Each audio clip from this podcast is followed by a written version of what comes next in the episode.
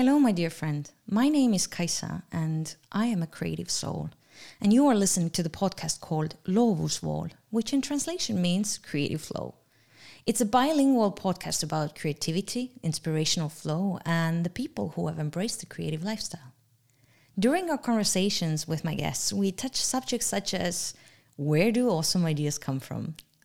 How we as creative people develop and nurture our talents, and what are the various different paths that can take us to the ultimate end goal, and whether there even is such a thing. And last but not least, how to follow that seemingly endless path down the creative dark rabbit hole without getting lost on our way. But for now, without getting ahead of ourselves, let's step into the magical flow called creativity. See you on the other side.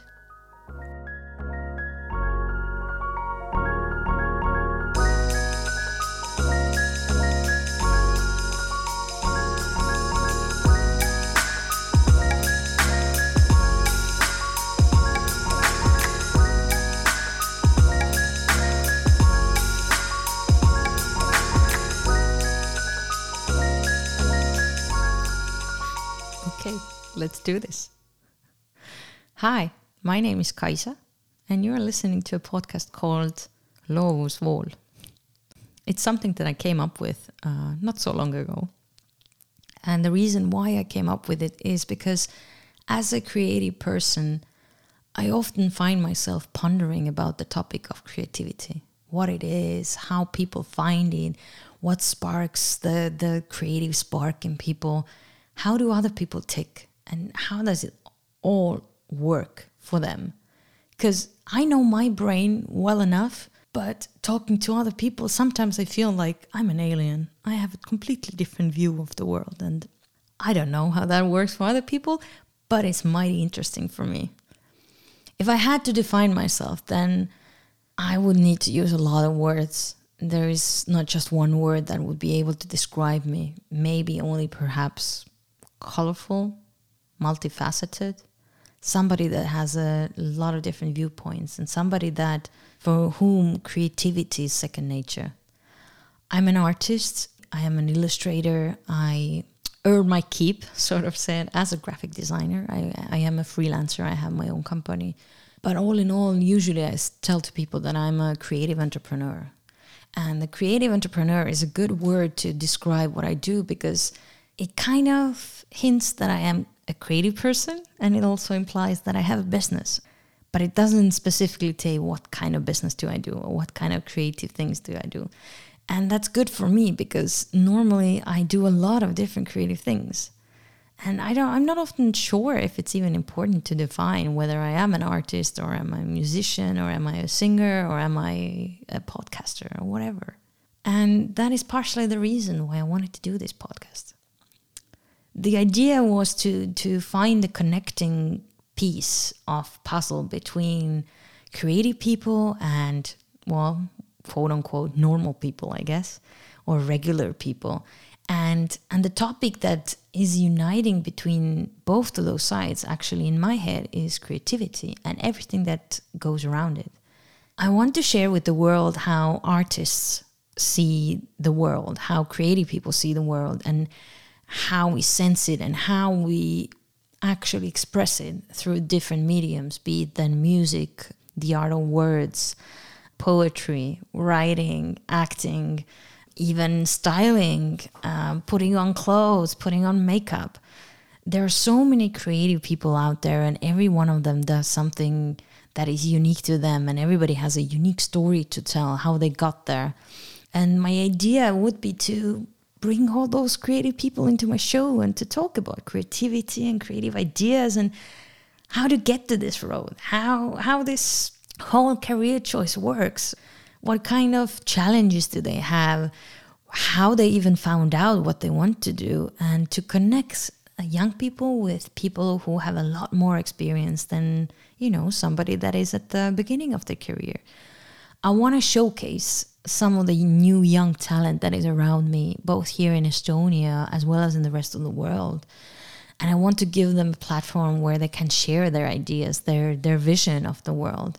And I also want to talk to people who have had a lot of experience to to kind of experience what it means to be in this career, in this kind of creative endeavor for 30 years, 40 years, maybe even 50 years, and what are the type of challenges that those people have gone through, how they even found out themselves that they want to do these types of things, and and how are they able to resist this um, viewpoint from society that creative people what is that? Who needs them anyway, you know? Is that even a job type of thing?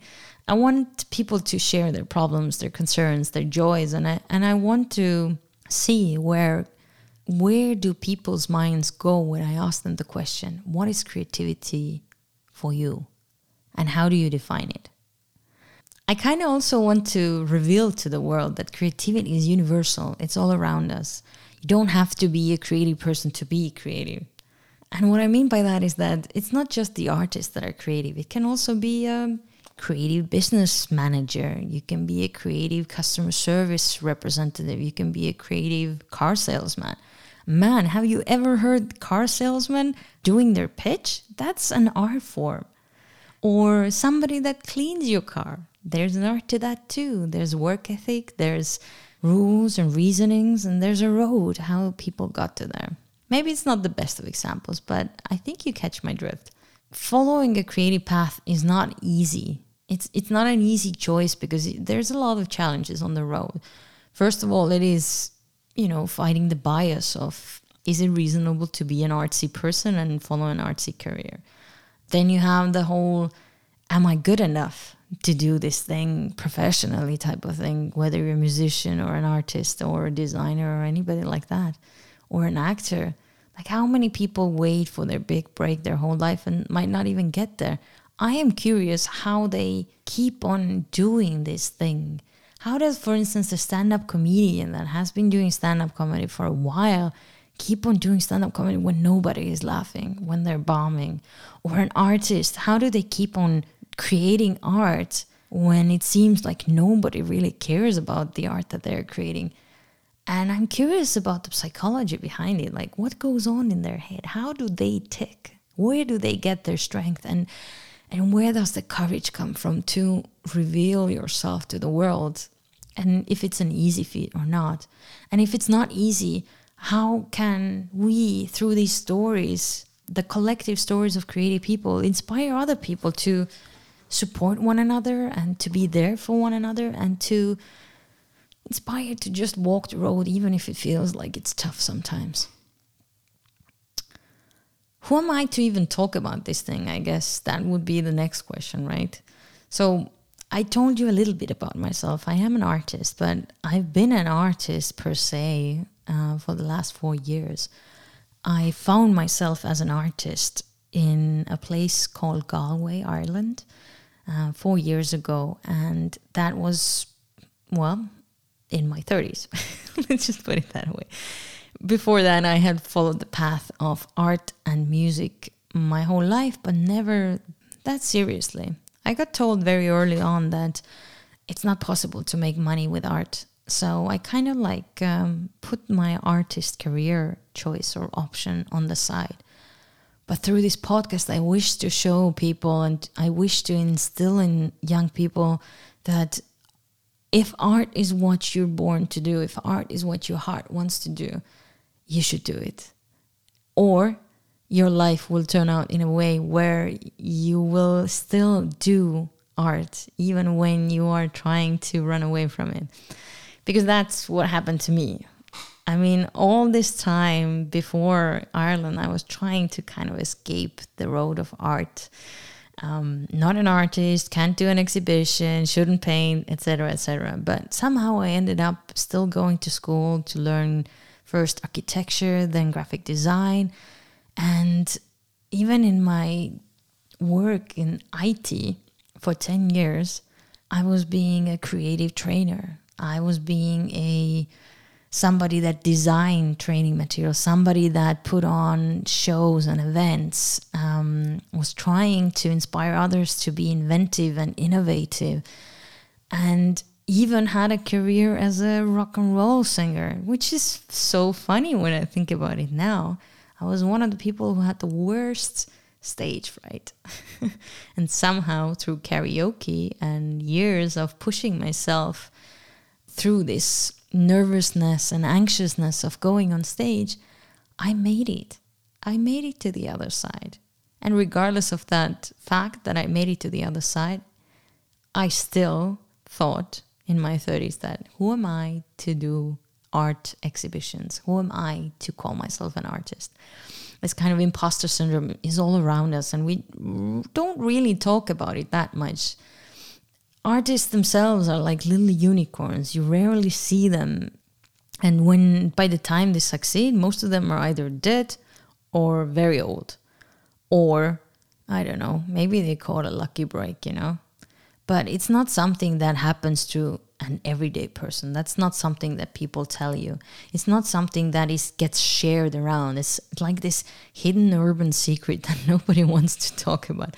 An artist is an urban legend. You heard of them, you've been to some exhibitions, but most of them as far as I know, are starving artists. that is a funny concept when you think about it. It's it's just one job that people have depicted to be as this thing where nobody can be successful. So I kind of find it, find it a little bit funny that this is the approach that people take. So through this podcast, I am trying to convey this message of hope for young people and also for my fellow artists and creative people that uh, you're not alone. There's more of us out there. Um, our creative ideas are worth sharing with the world. Uh, we should empower one another. If you thought that you had a rough background, that you had a challenging road to getting to where you are, then again, you're not alone. Most of us have had that tough path. And I want to congratulate you for being a vulnerable being, a courageous, creative person that is not afraid of showing your true colors with the word and sharing your true colors with the word. So, yeah, I hope you find hope from this. I hope that uh, you will find some new ideas, some new puzzle pieces to put into your puzzle, your unique creative ideas, and that it will instill this kind of calm in you that you know that you're on the right road. Uh, you are not walking it all by yourself. There's many more people around you and we're all rooting for you you know? So yeah. I don't know if uh, there's anything extra that i should be telling here. I think my the guests that i am planning on bringing to this podcast will tell you a lot more of their stories. And through those stories i believe we get to borrow from other people's life experiences and we get to hear stories of other people who have struggled and persevered. And we get to hear about their little insecurities and also their little wins. And um, yeah, and perhaps that is all that we need. Learning about life through other people's eyes by walking a mile in someone else's shoes, you know? I have some background as an artist. If I had to describe myself um, or my style, I tend to do both digital and traditional art. I love to paint with acrylics and watercolors, but I also use color pencils and pens and markers and all sorts of stuff like that as well. The topics that I usually paint about are galaxies and the duality of life, like yin and yang, um, dark side and light side, and how it reveals itself in, in human beings. I like to explore that because I feel that I am a little bit multifaceted and contradictory.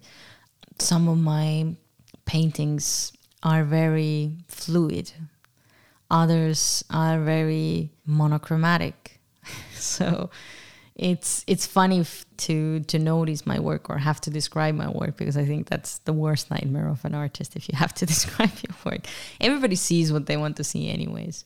Somehow a lot of my paintings have triangles in them and lots of flowers. I don't really know where that came from, but I think it goes together with the concept of this one word that I keep in my head, which is blooming or blossoming.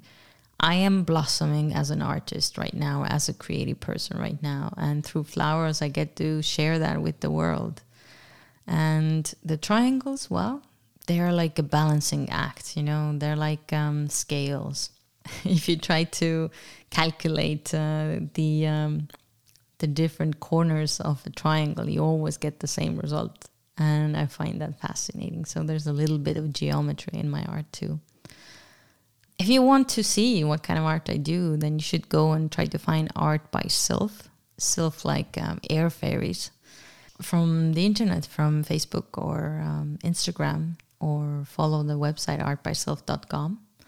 That's where you get to see my stuff. But I am actually more interested in you uh, following my path as this podcaster right now, doing this podcast called Loovusvool. And if you want to follow this little journey here, then you can find me from Instagram and Facebook again by using the handle Loovusvool. It's an Estonian word and it means creative flow. And I really love this word creative flow because the, the word flow is you know it's an experience when you lose track of time it's this like little mindset type of thing where you are sitting doing something and it swallows you that action that you're doing be it then creating music or playing a part in a play or singing a song or painting a picture or writing an adventure be it whatever it is I hope that more people have this feeling of flow in their life because flow is what it's all about, right? If you live your life creatively, if you get to experience living in the flow, then I can't imagine of a better place where to be. It really does help you lose track of time, but also I find it fascinating that the result of being in a flow is almost always something that is creative and life changing it doesn't matter whether it changes one person's life or a hundred person's life or maybe even millions, but it will definitely always touch somebody's life. And I think that's a truly remarkable thing. My road to being an artist hasn't been an easy one. There have been challenges on the road, but uh, I think the main point here is that listen to the stories of other people listen to and really try to truly understand and walk a mile in their shoes. And then look at your own life and see whether there's something that you want to improve, whether there's something you can add on to it, whether there's more joy that you can bring to it by showing the world the true and unique side of yourself.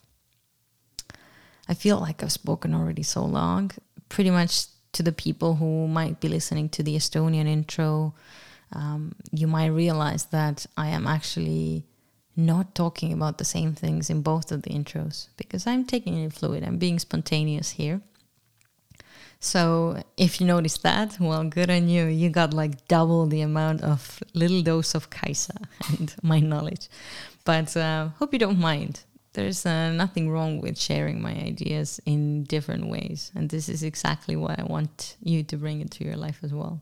Be bold, be brave, be uniquely you. There's only one you in this world. Everybody else's role is taken, you know? So, yeah, follow our little journeys, and I hope you like what you hear. Happy discovering.